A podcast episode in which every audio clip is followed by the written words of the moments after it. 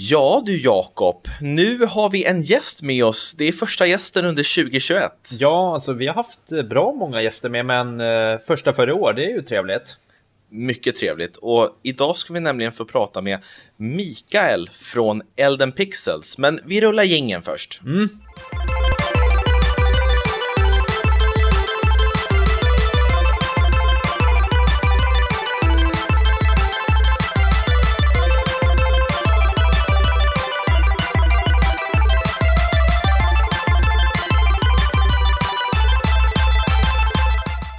Sådär, varmt välkomna ska ni vara till Spelkväll med Robin och Jakob. En förhoppningsvis rätt okej okay podd ändå. medel. Med, medel, lite ja. över medel. Mm. Eh, vi har som sagt med oss ingen mindre än eh, Mikael Forslind från Elden Pixels. Varmt välkommen. Tack så mycket, kul att vara här. Ja, kul att vara med dig. Eh, får jag bara störa där Robin? Vi måste bara berätta om inledningen här att jag skulle ju starta den här lobbyn då i röstchatten. Jag vet inte om du har sett det Mikael, att eh, länken som vi skickade, jag, jag råkade ju döpa dig till Mikael Lindfors där. Men det ska ju såklart vara Forslind. Ja, eh, det ser jag inte någonstans på min skärm här, men det kan mycket väl vara så. Ja, jag fick lite skäll här av... namn efter namn. Ja, jag fick lite skäll av Robin här, men det ska vara lugnt nu va, Robin? Ja, det är, det är jag som brukar ordna själva, du vet, sätta upp eh, allting inför podden, men nu fick Jakob lite ansvar och det, då blev det fel. Men så kan det gå. vi glömmer det. Um, vi måste prata om Elden Pixels till att börja med. Kan du berätta lite grann om vad är Elden Pixels?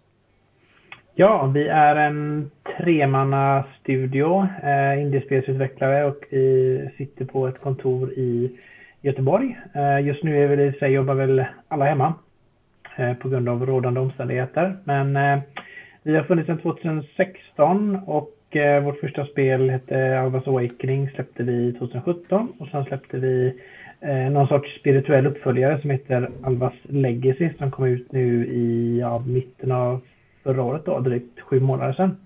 Och eh, just nu jobbar vi på en, ett tredje spel som egentligen är en eh, NES-portning av Alvas Awakening då, alltså en, en, vårt första spel till Nintendo 8-bitskonsolen. Mm. Så det kommer komma på en fysisk, eh, eh, vad säger man? Um... Kassett. Kassett, precis. Just mm, det. Mm, absolut. Mm. Ja, men det kommer det. Vad spännande. Mm. Ja, verkligen. Nej, men det är jättekul. Ja, um, jag, jag um, upptäckte ju er i och med, jag tittar ganska mycket på gaminggrannar. Uh, mm. Och uh, Hiro där, Andreas, han pratar väldigt mycket om just uh, Always Awakening. Och, mm. och jag tyckte att det såg kanonbra ut. För jag, jag, jag är ju upp, liksom uppvuxen med NES och Super NES-spel. Och jag tyckte att det såg så mysigt ut. Men jag liksom, jag, det blev aldrig att jag spelade just Awakening av någon anledning. Jag hade liksom inte tid, jag hade fått barn precis. Men nu i höstas här så kom ju Always Legacy till, till Switch. Och då, mm. då köpte jag det på re releasedagen där. Och jag spelade ut det på några dagar. Jag tyckte det var fruktansvärt bra. Alltså, verkligen. Jag kände verkligen de här känslorna från barndomen. Ni, ni lyckades verkligen få in den här nostalgiska känslan utan att man liksom, utan att spelet, alltså spelet är ju bra, det står ju för sig självt, men man får in en artificiell nostalgikänsla som gör det ännu mer eh, påtagligt och bättre, tycker jag. Så ni gjorde ett kanonjobb alltså med det.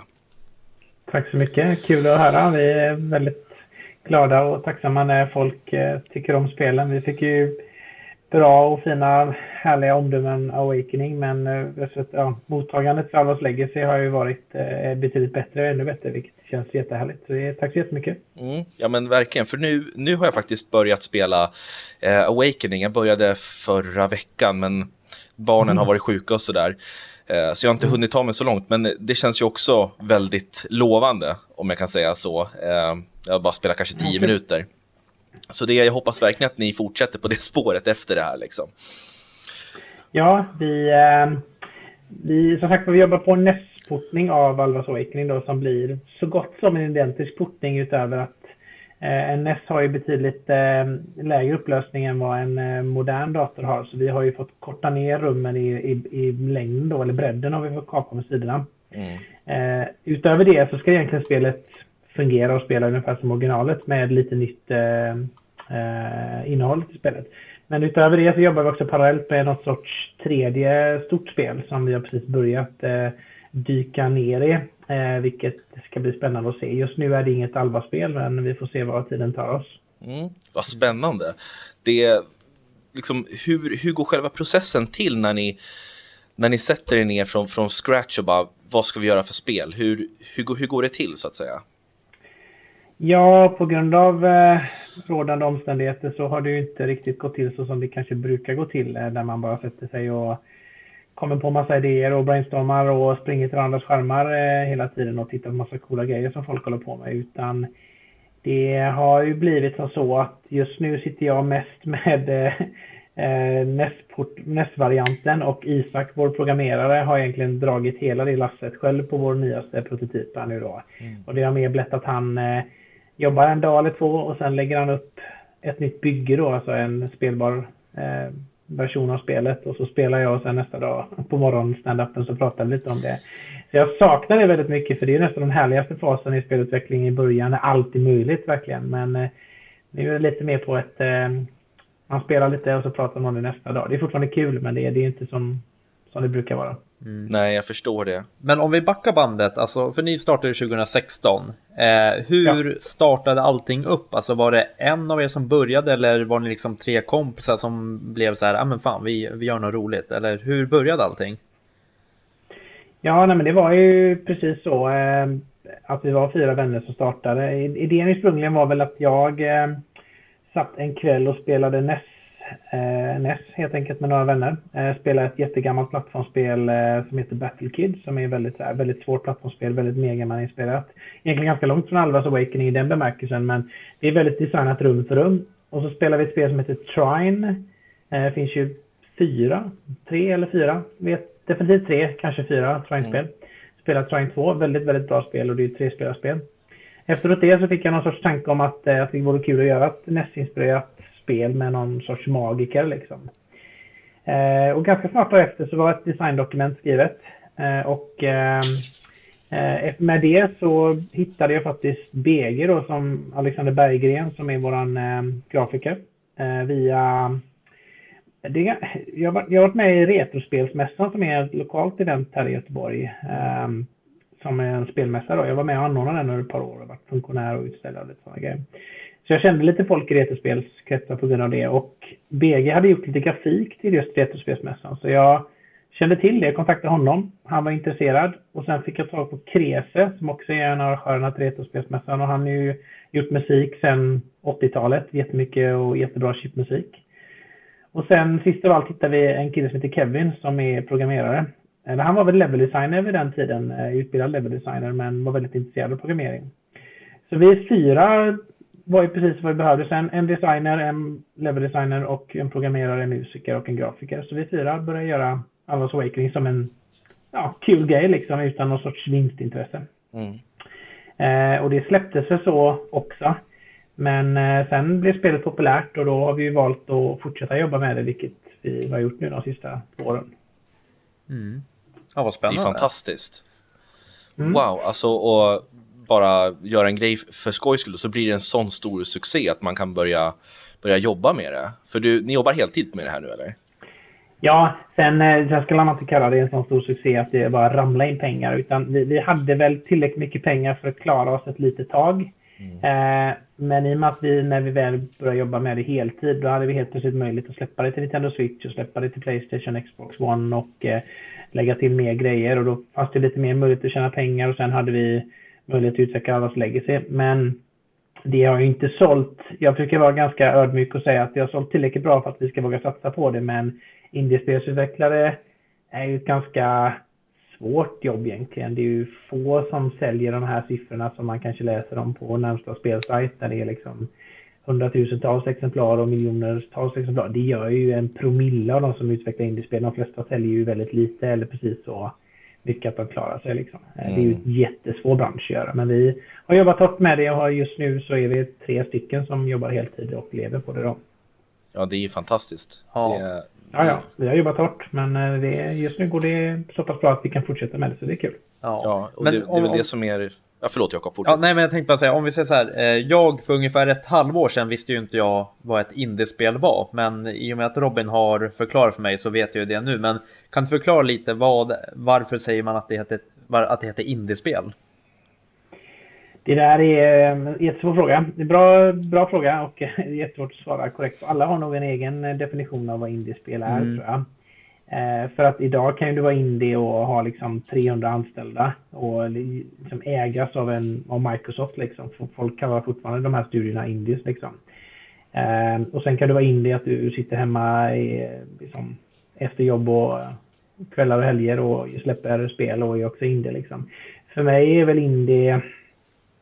Ja, det är en bra fråga. För mig är väl indie egentligen att man drivs kanske mer av en sorts kreativ sida att göra intressanta projekt och roliga spel. Man kanske inte riktigt drivs av företagssidan egentligen. Alltså man, viljan att göra spel hos oss är väl starkare än att liksom tjäna pengar. Men vi måste ju tjäna pengar för att kunna fortsätta göra spel. Mm. Eh, ja, mer mot hobbyhållet då?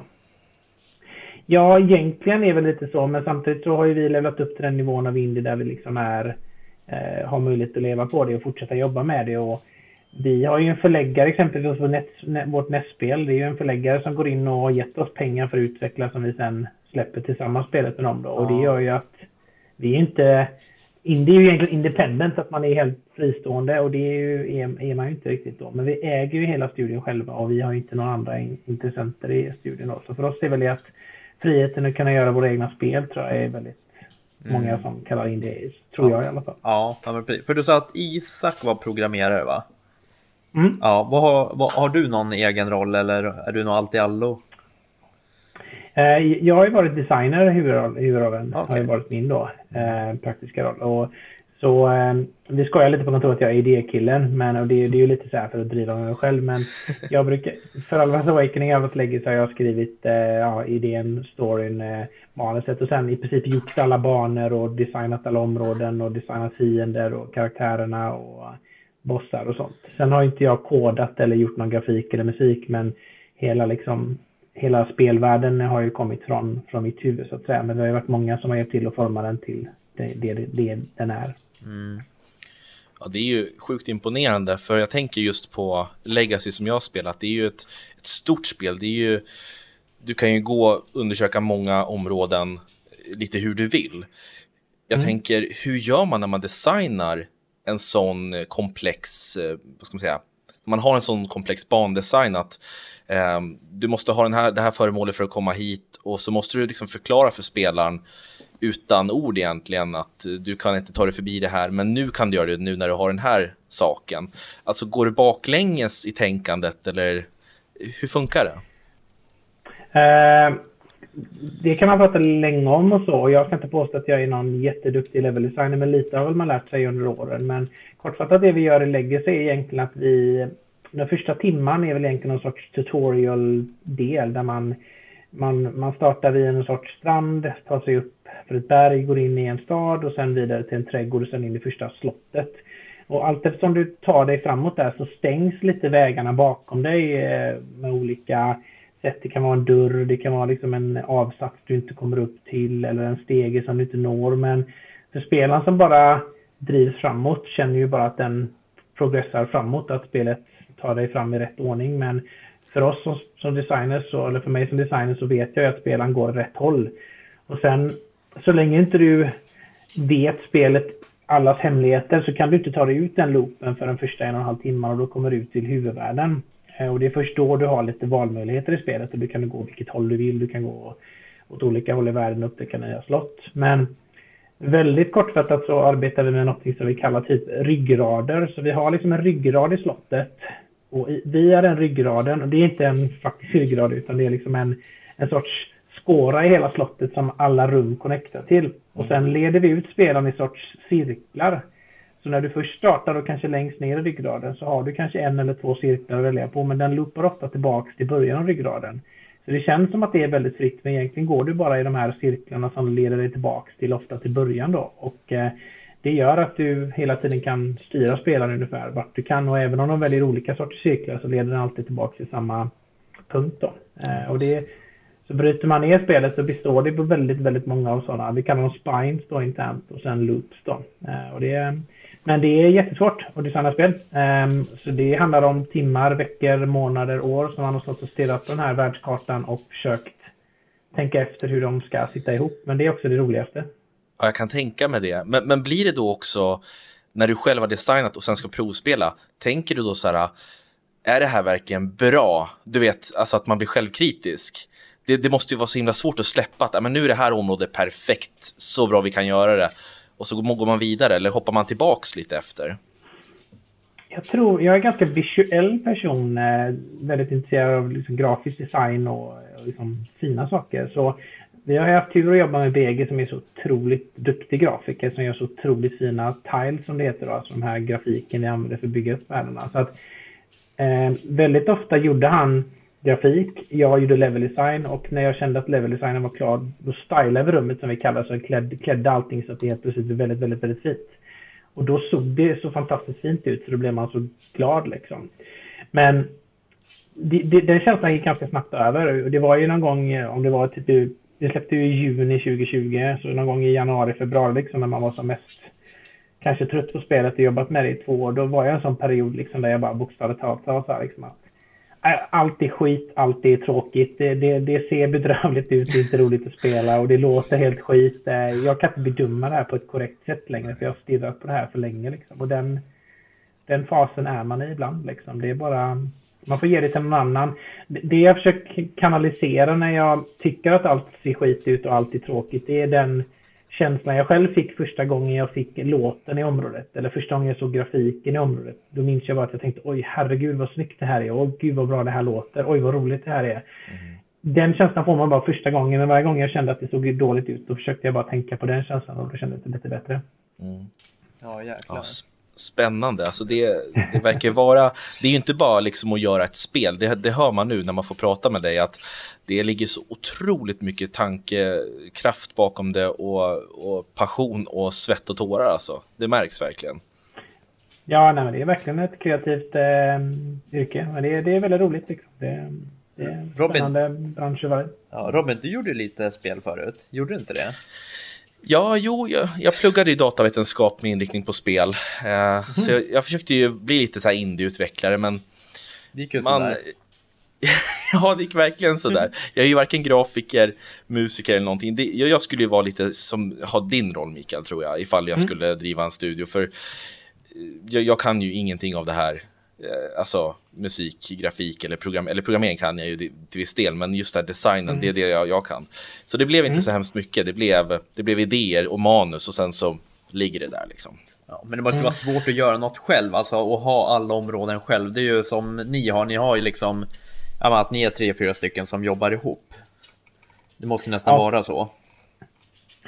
Ja, det, det är svårt att bli bra på allt och där har väl jag varit sån att jag jag rör ju inte kod liksom. Jag har förståelse för programmering och har programmerat eh, liksom på en hobbynivå lite innan. Men nu skulle jag inte sätta mig och koda för att jag kommer ju aldrig bli tillräckligt bra så att jag kan göra något vettigt av det eller måla grafik. Det är bättre att jag gör det jag är bra på liksom som är design så att, och låta alla områden skina och själv istället. Mm. mm. Det förstår jag. Men eh, någonting jag måste bara också berömma extra mycket som jag verkligen hoppas att ni kör på kommande spel ni gör, att ni, mm. ni kör på svensk översättning. Det tycker jag är så otroligt charmigt. jag tycker det är ja. skitkul alltså. Eh, för man kan spela, Jakob du som inte har spelat, man kan mm. spela både Elvas Awakening och Elvas Legacy på svenska med svensk text. Åh oh, fy fan, fan vad roligt. Eh, och det, det blir så himla mer personligt, man tar åt sig så mycket mer. Det finns så citat som någon säger så här, du, du torskar väl inte? Jag tycker det var så jävla roligt. så, ja. så ja, torska det, inte. Det där är ju gammal, att det blev så i Sprungen var ju för att eh, det fanns ju några svenska nästspel som kom ut eh, på 80-90-talet. Den mest kända är väl Shadowgate och Eh, och den hade ju lite så här kass svenska liksom, för det var ju översatt av någon som knappt pratar svenska kändes det i alla fall. Och det var ju väldigt begränsade utrymme att få med. Mm. Eh, så vi tog ett ganska tidigt beslut om att lägga ner svenska i första och då, då valde vi att göra det lite så här så det skulle kännas lite dåligt liksom. Eh, det skulle kännas som att du har hittat en magisk stav och den riktigt skiner i mörkret och sådär. Eh, och sen var det ju en no-brainer givetvis att fortsätta med eh, svenska Allas Legacy. Mm. Ursäkta. Eh, och det är samma person som har översatt båda spelen då, David Mide, jätteduktig snubbe och jättetrevlig, duktig. Han är helt fenomenal och han har gjort ett jättebra jobb med den svenska översättningen. Det fanns ju mycket mer att jobba med i Arvas Legacy för där hade vi ju tre gånger så stort manus från första spelet eh, gentemot det här nu då. Mm. Ja, men jag, jag, tycker det var superskärmigt och jättebra. Jag, jag förstår att det, det, tar ju extra tid och kostar ju med översättning, men har ni möjlighet så hoppas jag verkligen att ni på det, för det, det var liksom pricken över i. Ja, jag kan, jag, jag kan ställa upp. Det kan jag, jag, jag, kan göra det på, på kvällarna efter, efter lagt barnen i, i, i, värsta fall, ifall ni liksom får slut på budget, då kan jag översätta. Och, och jag kan ju ställa upp som buggtester, det var ju mitt eh, drömjobb när jag var 10-15 år. Ja, du drömde om att buggtesta spel. Så, ja, det var ju ja. skithäftigt. Som han Grandmas Boy i den här, det finns en film om det. Den Aha. kollade man ju några gånger. Okej. Okay. ja, men, men sen så har jag sett också att ni ni ger ut spel, alltså som ni inte har ut, det här Cathedral. Mm. Kan du berätta lite om det? Ja, eh, det där är en kul grej för vi tidigare på mina jobb innan jag startade LN Pixels eh, så, så jobbade jag just med marknadsföring och eh, publishing då på ett annat spelföretag här i Göteborg. Eh, så jag, så jag, jag kunde den delen lite liksom och det det, om man inte är så insatt i det så kanske det inte låter så mycket jobb som att släppa spel, men det är otroligt mycket administrativt jobb. Och ta ett spel till en plattformsägare, till Microsoft eller till Sony och säga nu ska vi släppa det här. Det är inte så enkelt som att det bara är att trycka på en, en knapp, utan man trycker på 2000 knappar i olika följder, olika saker och det är ratings och det är åldersgränser och det är storetexter och trailers och grejer. Så jag kunde det lite. Eh, och just Cathedral är ett sånt spel som också utvecklats i Sverige eh, av ett gäng i Helsingborg. Som hade liksom följt med. Jag hade följt med lite i utvecklingen för de har hållit på med det i ganska många år. Eh, så började jag snacka lite med utvecklarna, eh, bara på en privat basis liksom och tyckte att de verkade sköna och härliga. Eh, och jag har själv funderat lite på Elden Pixels, liksom vad man, om vi ska fortsätta göra spel eller ska vi släppa spel eller vad kan man göra liksom som ens ligger i vårt område. Så då drog jag bara ut en ganska någorlunda spontan fråga just till Erik då på Decemberborn som är det företaget som jobbar mycket tidigare om, om de skulle vara intresserade låta oss eh, publisha deras spel. Eh, och det var de. Så vi satte oss ner och började snacka villkor och, och några veckor senare så hade vi ett kontrakt. Så Cathedral är ett pixligt Metroidvania-spel, precis som Alvas Legacy, fast det är mycket mer fokuserat på action och betydligt större och betydligt svårare och betydligt mer högre tempo. Men gillar man det spelet som är Alvas Legacy, Alvas Awakening och den typen av spel så tror vi Cathedral är ett helt utmärkt alternativ. För att det är precis det Alvas Awakening Alvas Legacy är, fast mycket mer action och mycket, mycket, mycket mer, jag kan inte säga coolare, men det, det, det händer mycket mer grejer och det är otroligt välgjort, otroligt stort spel också. Ja, men det, det blir att kolla, kolla in när det kommer till Switch, för det har inte kommit än till Switch va? Nej, precis. Vi har en annonsering om det runt hörnet här, men jag kan inte riktigt eh, avslöja än. Men det kommer både annonseras och släppas eh, inom en eh, ganska snar framtid. Vi skulle faktiskt släppt i Eh, på torsdag denna veckan. Eh, men så eh, såg vi att ett spel som heter Cyber Shadow släpptes idag. Mm, som är inte, ja, det är inte ett pixligt Metroidvania men det är ett pixligt plattformsspel och då kände vi att det här är ju det är Yacht Club Games som har gjort Shovel Knight då som är en ganska stor förläggare.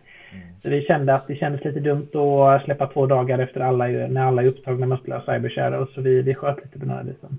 Mm. Ja men det, det kommer jag definitivt att spela och recensera på vår hemsida spelkvall.se, Cathedral alltså. Mm, för, för jag, Metroidvania det är liksom min, min kopp te. Jag älskar sådana spel. Ja, det gillar du. Mm. Ja, älskar det. Ja. ja. men vad kul. Så låt säga ifall jag och Jakob här skulle starta spelkväll studios säger vi och så mm. har vi ett projekt liksom och så vill vi få lite hjälp med, med att liksom hitta förläggare och grejer. Då, då, kan vi komma till er alltså och snacka.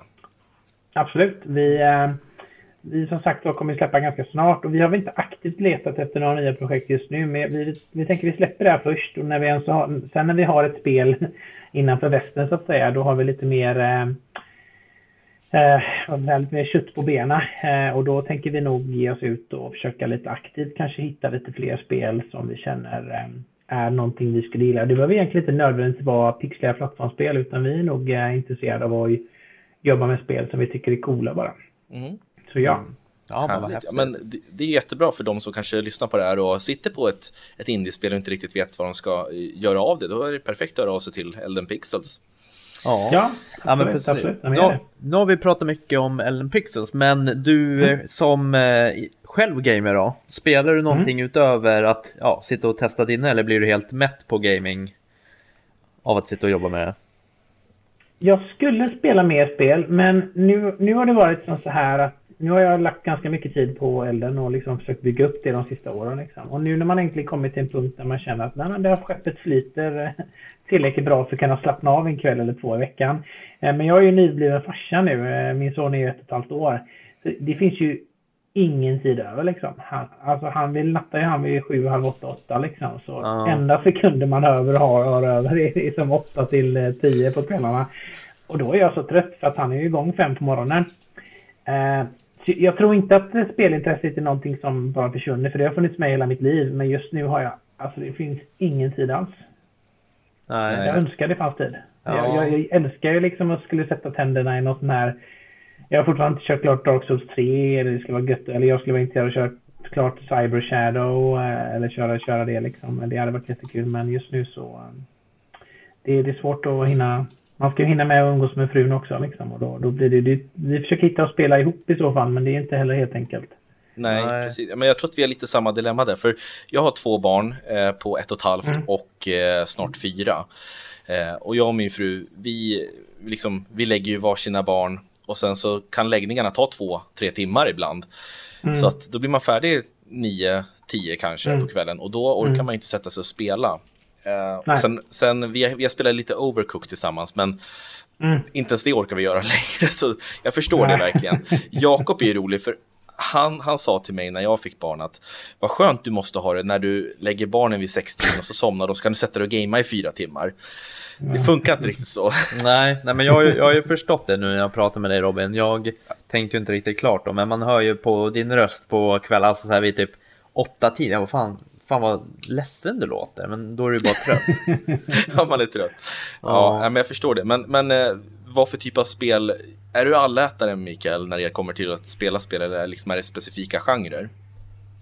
Ja, nej, jag har väl nog varit ganska nischad om på senare år. Liksom. Visst, jag har slunkit igenom lite Overcooked och lite sådana spel och det har varit fantastiskt kul. Och egentligen kört väldigt mycket Nintendo-spel fram till, eh, eller hela livet egentligen. Och mycket Amiga när man var yngre och betydligt yngre. Liksom. Eh, men annars har det varit eh, mycket som, som många andra. Dark Souls-spelen, eh, Bloodborne-spelen, körde igenom Fallout-spelen, Fallout 3, Fallout 4 tyckte väldigt mycket om. Och sen på senare år har det blivit mycket eh, indiespel då, som vad jag kallar indiespel. Och kört Steamworld Dig 2 tyckte jag väldigt mycket om. Um, älskade Shovel Knight, kört jättemycket Shovel Knight.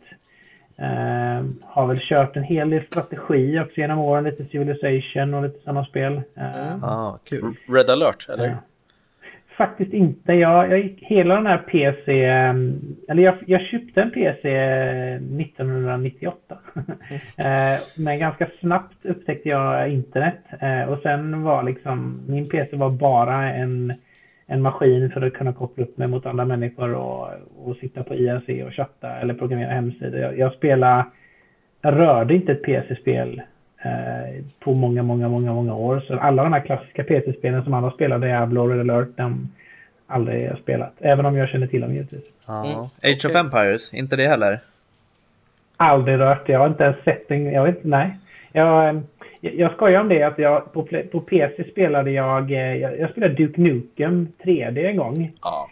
Där jag ringde upp min vän, för man kunde göra det om man botade i DOS där, så kunde man som slå in hans telefoner, men så kunde man ringa upp och spela Ja det, var, ja, det var ju online då, men det var inte liksom, man ringde ju hans modem.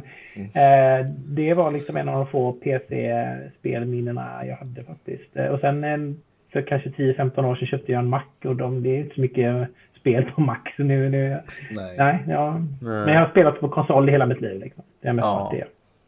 Ja, men det är lite som som Jakob, du har ju varit mer åt PC-hållet då i slutet av 90-talet och jag har ju alltid kört på Nintendo-konsol i princip. Ja, ja men fan jag, jag vet inte hur många timmar jag ner på Diablo 2, det är ju skrämmande. Och det är ju, men utöver det, men det är ju så sjukt egentligen.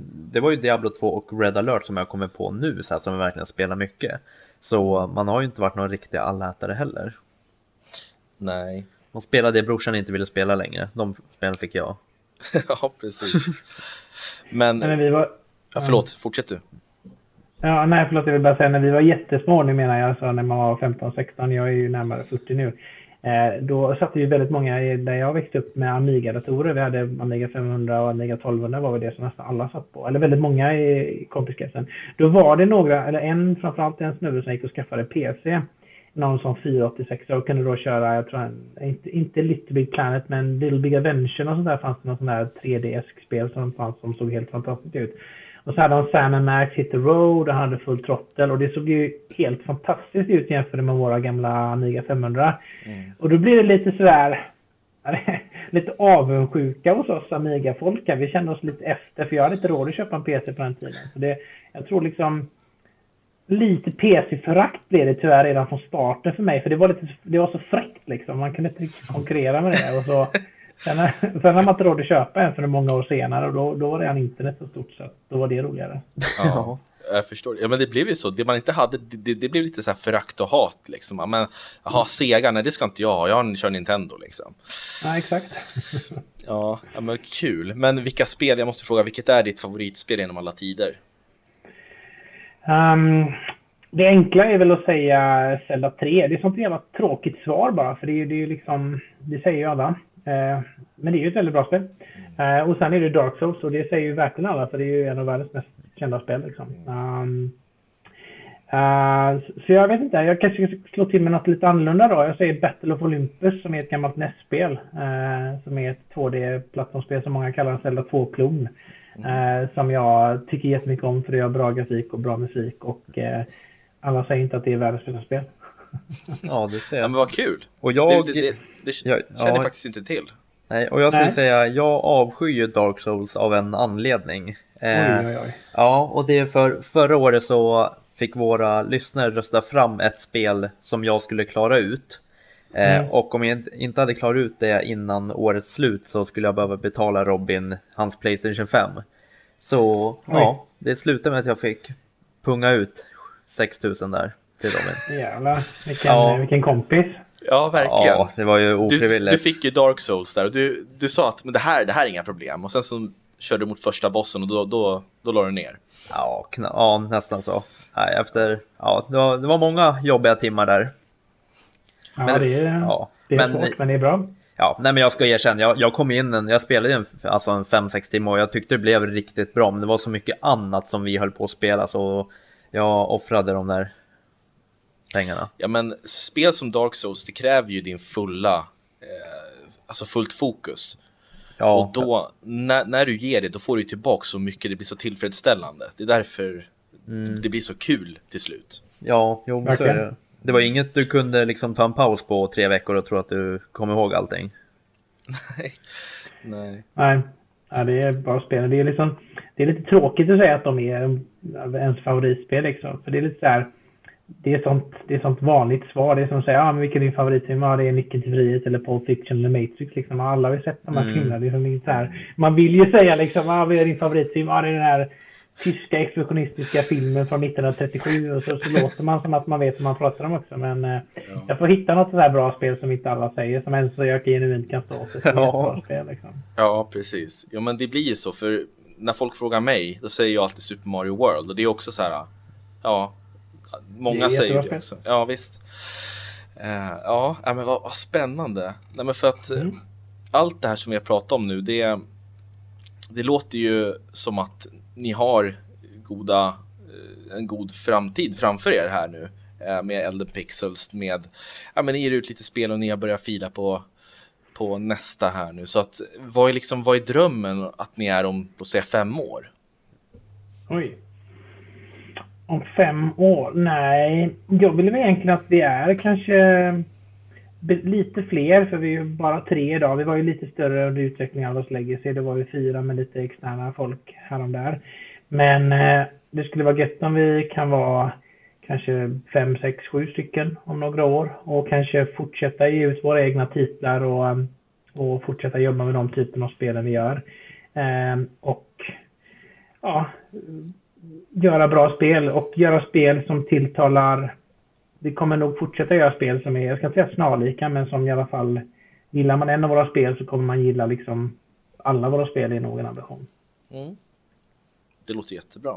Ja. Eh, jag ser här nu, jag har, jag har varit inne på en hemsida, hemsida ganska mm. mycket här. Mm. Eh, och jag ser att ni har släppt eh, Alvas Awakening Soundtrack på vinyl. Ja, precis. Ja, eh, och jag fick av min fru i julklapp fick jag en vinylspelare. Mm, och, kul. och jag älskar tv-spelsmusik så jag tänker, jag tänker slå till på den där sen. Jag eh, hoppas att det kommer också eh, Legacy soundtracket kanske.